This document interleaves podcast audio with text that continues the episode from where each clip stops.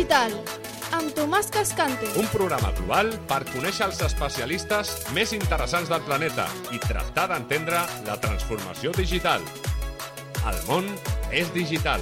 El món és digital, El món és digital. amb Tomàs Cascante.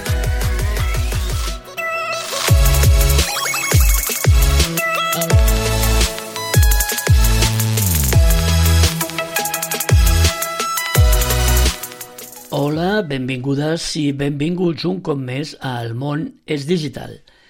El món és digital és un programa que fem amb la col·laboració de PIMEC, la patronal de la petita i mitjana empresa i dels autònoms de Catalunya.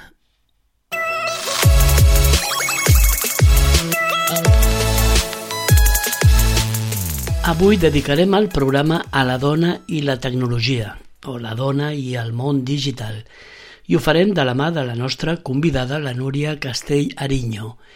Ella és llicenciada i doctora en Enginyeria Informàtica, ha estat vicedegana de Relacions Internacionals de la Facultat d'Informàtica de Barcelona i degana de la FIP. Col·labora en programes de formació permanent a la UPC School, és membre del Consell de Direcció de l'Associació Civicai, per cert recentment creada, és també membre fundadora de diverses comissions de gènere de dona a nivell català i espanyol. És presidenta del comitè de direcció de Women Encourage, presidenta del comitè d'honor també dels Premis Donatic. I parlant de premis, té també una llarga llista de premis. Però vaja, ja sense més eh, presentació, donem la benvinguda a la nostra convidada, la Núria Castell Ariño. El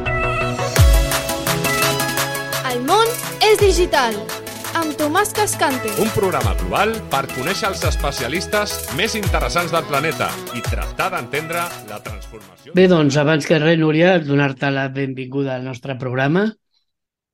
Molt bé, moltes gràcies, Tomàs. Contenta d'estar amb vosaltres. A veure, avui parlarem d'un tema que, que fa temps que, que en parlem, i sobretot fa temps que parlem tu i jo, no? que és el tema de la dona i les TIC, o la dona i les STEM, o la dona i les tecnologia. I tot el que això suposa, de, des de l'ocupació de càrrecs fins a l'estudi de, de carreres, mm, vocacions, etc etc. bueno, abans també, abans de res, vull felicitar-te perquè tu formes part, i jo també formo part del jurat i del comitè d'honor del Premi Donatic, però acabes de ser nominada presidenta, amb la qual et dono la, la, et felicito, vaja, com a presidenta del, d'aquest comitè d'honor. Gràcies, la veritat és que és, és, és un honor, va dir la redundància, perquè es diu comitè d'honor, uh, és, és un honor i un repte, perquè des del d'inici la presidenta d'aquest comitè ha estat l'Anna Mercader, la gran referent i, i lluitadora de, de les dones, per les dones, i, eh, bueno, evidentment, eh, ser la seva successora en el càrrec no és fàcil, eh, cadascú té la seva manera de fer, i intentarem fer-ho la, de la millor manera possible. Bueno, jo sé que, vaja, de fet, et, vaig ser dels que et vaig proposar que fossis perquè realment eh, creiem tots en la teva competència, professionalitat i sobretot vinculació amb la causa perquè ets, eh, amb això ets una guerrera. Vinga, andiamo. Eh, estem parlant de Pre- Premi Donatic, Dona, Donatic, Dona STEM.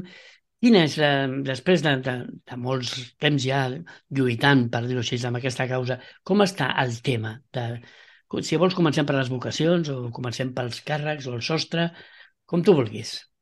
bueno, jo crec que, el- que, el, que el tema està allò anar, anar fent, no? Anem, anem lluitant una mica per, per canviar dinàmiques, per, per intentar que la societat se n'adoni de que, de que hi ha, hi ha espais que necessiten una aportació femenina que, que no hi són, no? I llavors el, el, el típic és la, la banda de la tecnologia, eh, però hi ha molts àmbits en els quals eh, doncs, falta aquesta visió femenina. Que també eh, caldria dir que també hi ha àmbits en els que falta la visió masculina, que passa que cadascú lluita per lo que li toca, no? És a dir, fa una estoneta estàvem reunida amb la responsable de, de gènere de l'Escola d'Enginyeria de la Universitat Autònoma i parlaven justament d'aquest tema. Llavors nosaltres lluitem per, per tenir més dones en l'àmbit de l'enginyeria i a qui li correspongui que lluiti per tenir més homes en l'àmbit de salut o en l'àmbit de la infermeria, per exemple. No? Dic que en el fons és treballar tots perquè d'alguna manera la, la societat faci una mica de, de canvi de, de xip, no? De dir, per què tenim professions d'homes i professions de dones eh, quan eh, en cas, per exemple, les empreses del sector TIC cada vegada tenen molt més clar que els equips que tenen un, un equilibri raonable de gènere, no cal que sigui un 50-50, ja ho sabem, però quan hi ha una, un, un equilibri amb la, amb la visió de,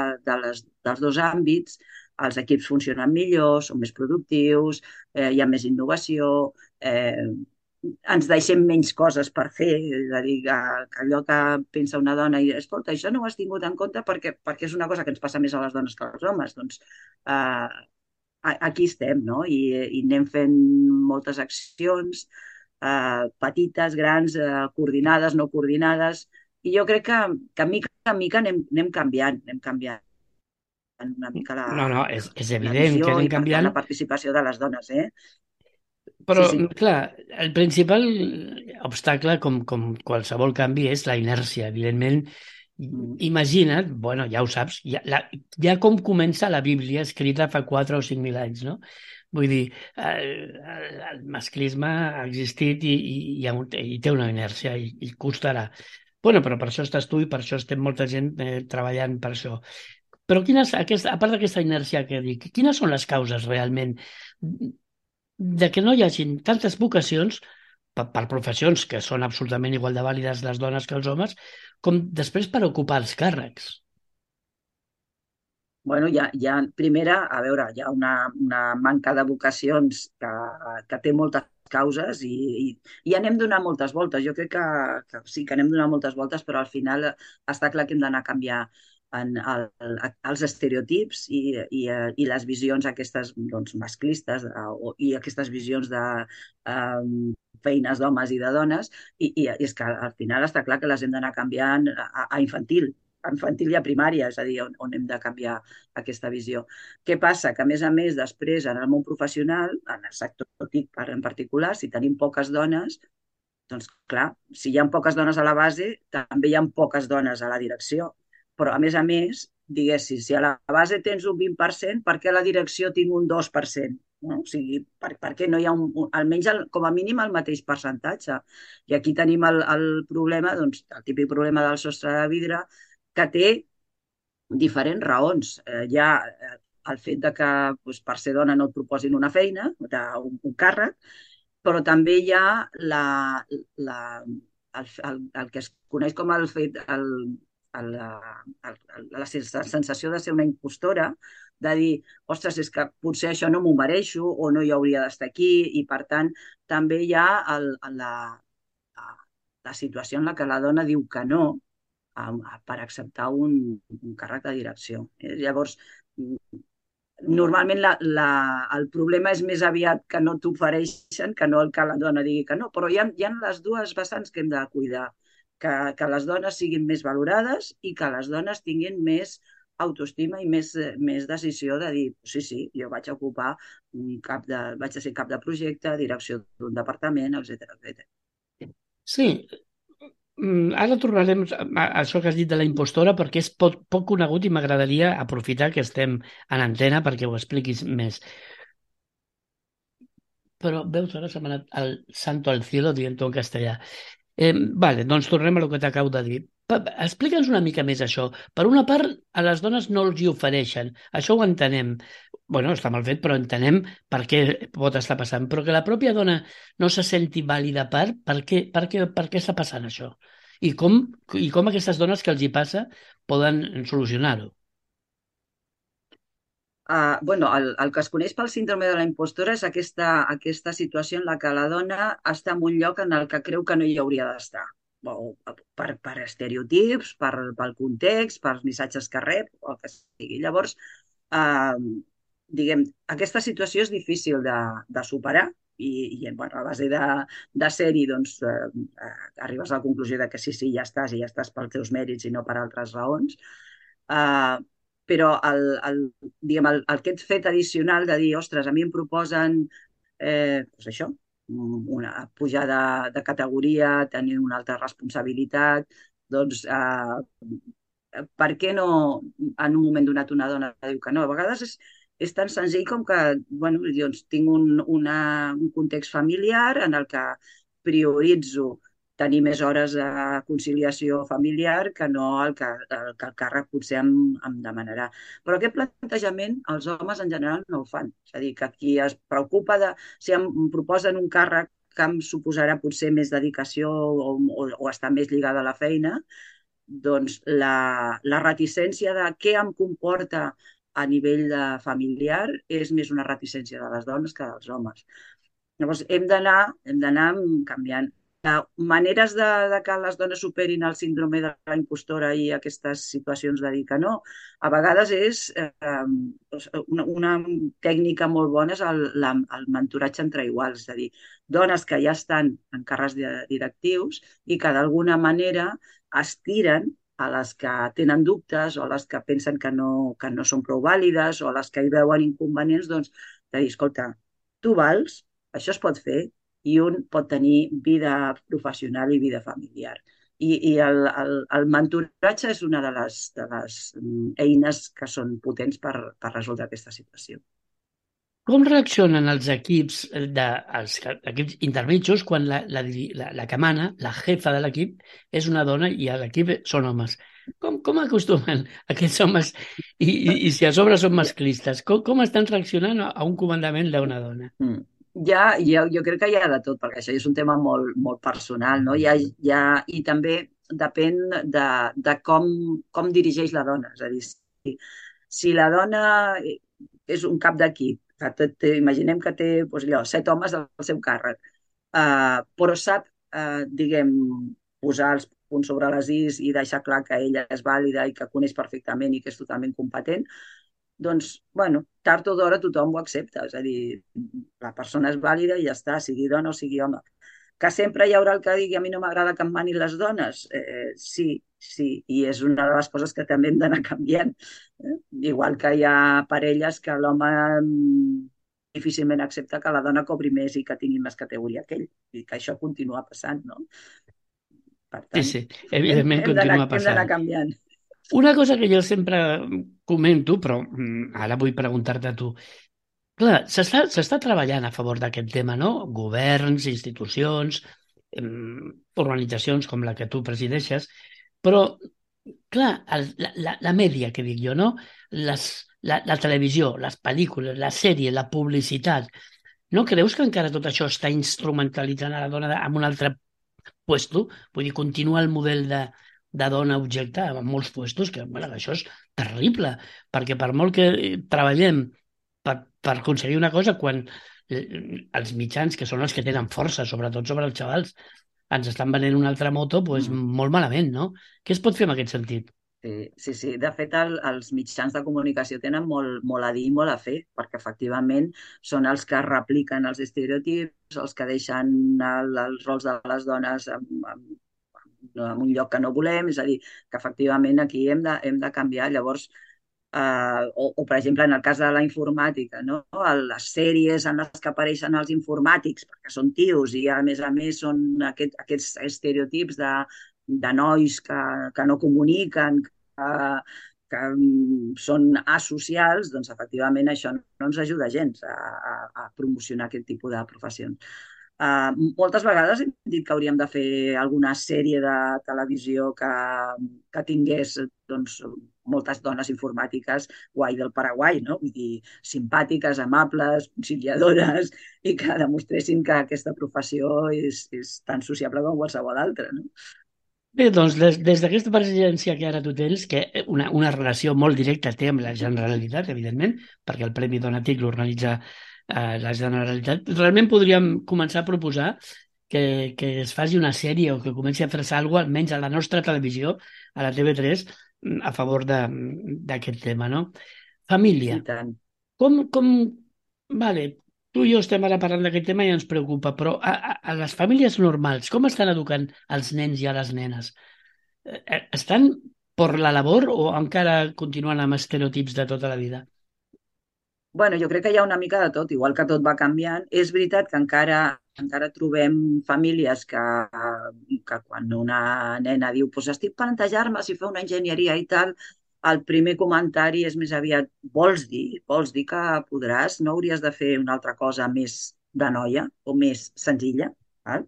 És a dir, que continua existint, afortunadament menys, però, però aquesta situació continua existint i per tant, eh, diguem, per, per canviar per canviar una mica tot plegat, i per tant canviar la societat, hem de treballar amb els educadors, o sigui, hem de treballar amb els mestres, hem de treballar amb les famílies, hem de treballar amb els mitjans de comunicació. O sigui, al final és, és, una, és una tasca de tots. I si falla alguna pota, doncs no acabarem d'arribar a l'objectiu. Llavors, eh, hem d'anar treballant, picant molta pedra no? I, eh, i a veure on arribem. Doncs arribem que estem, que ens hem menjat ja bastant part del programa, ens queden quatre minuts. Eh, I fet referència en més d'una ocasió al Premi Donatic. Mm, explica'ns, explica als oients mm. què és el premi, què pretén i realment què ja ha aconseguit aquest premi. Mm.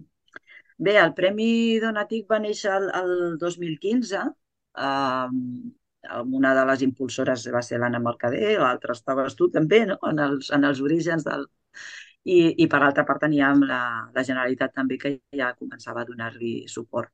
I la idea va ser, doncs, eh, veient que el sector TIC era un dels sectors de l'enginyeria amb, amb menys eh, presència femenina, doncs intentar visibilitzar les dones. Doncs com? Doncs fent eh, aparèixer aquestes dones a partir d'uns premis que s'anaven convocant.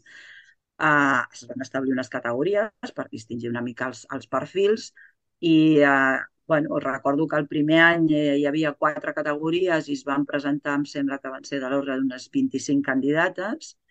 Eh, en aquests moments les categories individuals són 8 i a més hi ha dues categories per iniciatives i hem arribat a tenir convocatòries amb, amb un centenar de candidates. Per tant, jo crec que el que, el que més visibilitzat bastant eh, que hi ha dones, d'allò com les meigas, les ailes, i, eh, i que a més a més cada vegada des del jurat jo crec que veiem que déu nhi la quantitat de dones i de currículums i de perfils tan potents que tenim a casa nostra i que, i que desconeixem.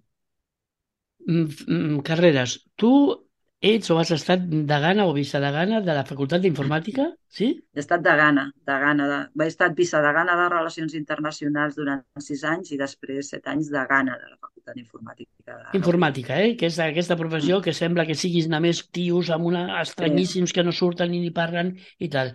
Com està la dona dintre del món de la informàtica? Bueno, millorant, millorant. Uh, per, donar, per donar xifres, uh, en aquest curs uh, a la Facultat d'Informàtica de l'UPC, per donar la xifra concreta, eh? el nombre d'alumnes de primer de les 400 don persones d'entrada, gairebé un 20% han sigut dones. I això és una xifra que feia molts anys que no veiem. Per tant, sembla que les accions que anem fent de mica en mica van donant, van donant fruits. Eh? El pitjor moment va ser el primer any que jo era de Gana, el 2010, que en el juliol del 2010 de 400 persones només el 6% eren dones. O sigui que del 6% del 2010 a gairebé el 20% del 2022 sembla que alguna cosa ha millorat. Bé, i ara sí que amb el temps que ens queda et demanaria això, que et dirigeixis a aquestes nenes i sobretot adolescents que estan encara pensant què faran, que, que els donis una empenta cap a aquestes carreres que nosaltres impulsem, les estem en general. Bueno, jo el que els diria és que en l'àmbit de les STEM i en particular de la informàtica, al final pots estar treballant amb coses molt interessants en qualsevol sector. La informàtica és transversal, per tant, jo puc estar treballant amb metges, amb gent del banc, amb aeronàutica o amb el que vulgui. I puc fer les meves aportacions i la millora a la societat des de qualsevol àmbit. Bé, doncs eh, res més. Hem arribat al final. Eh, T'agraeixo molt la teva participació. Sento que el programa sigui tan curtet i que no tinguem temps de quasi res, però crec que sí, que hem, que hem intentat sensibilitzar una mica més sobre, sobre aquest important tema de la incorporació de la dona al món tecnològic, que en aquest cas és del que, que hem estat parlant. Bé, Núria, doncs gràcies i fins la propera. Espero que tornis a passar pels nostres micros. Moltes gràcies, Tomàs. Fins la propera. El món és digital. El món és digital. Amb Tomàs Cascante.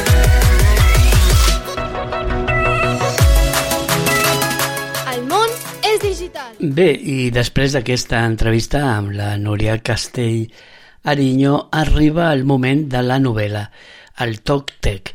Com sabeu, eh, la Marta Clua acostuma a presentar-nos una novel·la, una interessant sempre novel·la, amb la qual eh, hi ha un toc tecnològic, el qual situa la novel·la en el nostre món digital.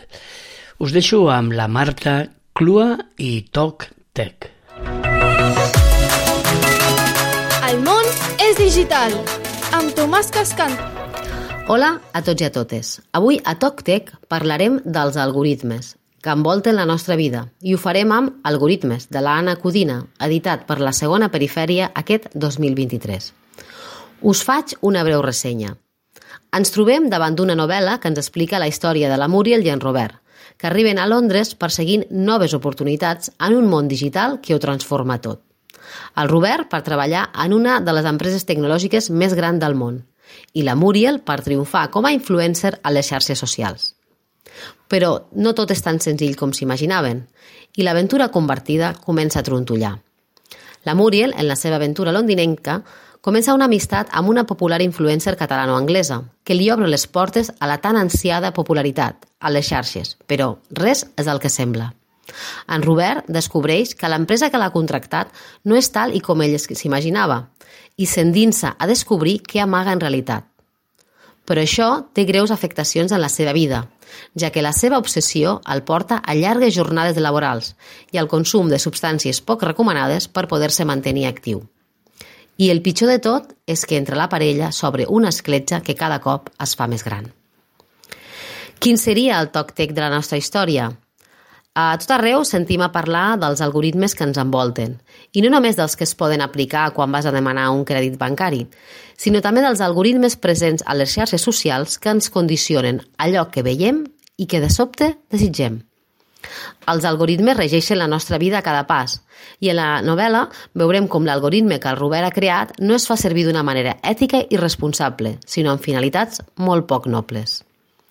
Algoritmes és una novel·la que ens parla de la il·lusió de seguir un somni, de l'emoció de començar una aventura, però també ens parla de la falsedat de les xarxes socials, d'aquelles vides perfectes que es projecten només a la recerca dels m'agrada, de les dificultats de viure lluny d'un entorn conegut, de la voracitat de determinades empreses tecnològiques, de la manca d'ètica professional d'algunes persones, però també de la valentia dels que s'atreveixen a revelar-se d'un sistema poc ètic.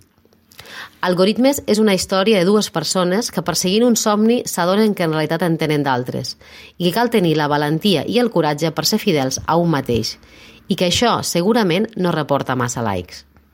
Només aquells que gosen seguir els seus somnis poden arribar a aconseguir-los, però, com diuen, els somnis es matinen, s'estudien i es treballen, i amb una mica de sort es poden arribar a fer realitat. Espero i desitjo que us agradi tant com a mi. El món és digital. Amb Tomàs Cascante. Un programa global per conèixer els especialistes més interessants del planeta i tractar d'entendre la transformació digital. El món és digital. El món és digital. El món és digital. Amb Tomàs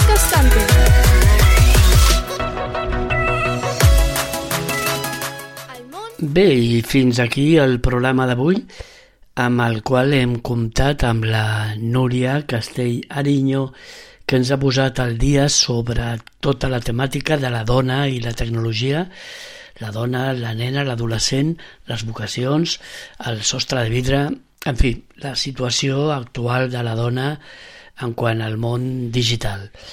I per acabar el programa, com de costum, hem tingut a la Marta Clua, que també ens ha posat al dia sobre una altra interessant novel·la amb la qual la tecnologia forma part. Res més, això ha estat tot per avui i, com de costum, no vull acabar el programa sense recordar-vos que si teniu qualsevol suggeriment, si voleu venir al programa, si voleu que convidem algú, ens ho feu saber a través del correu electrònic hola arroba barcelonadot.com hola arroba barcelonadot.com I ara sí, res més, el món és digital i fins la propera setmana. és digital. El món és digital. Amb Tomàs Cascante.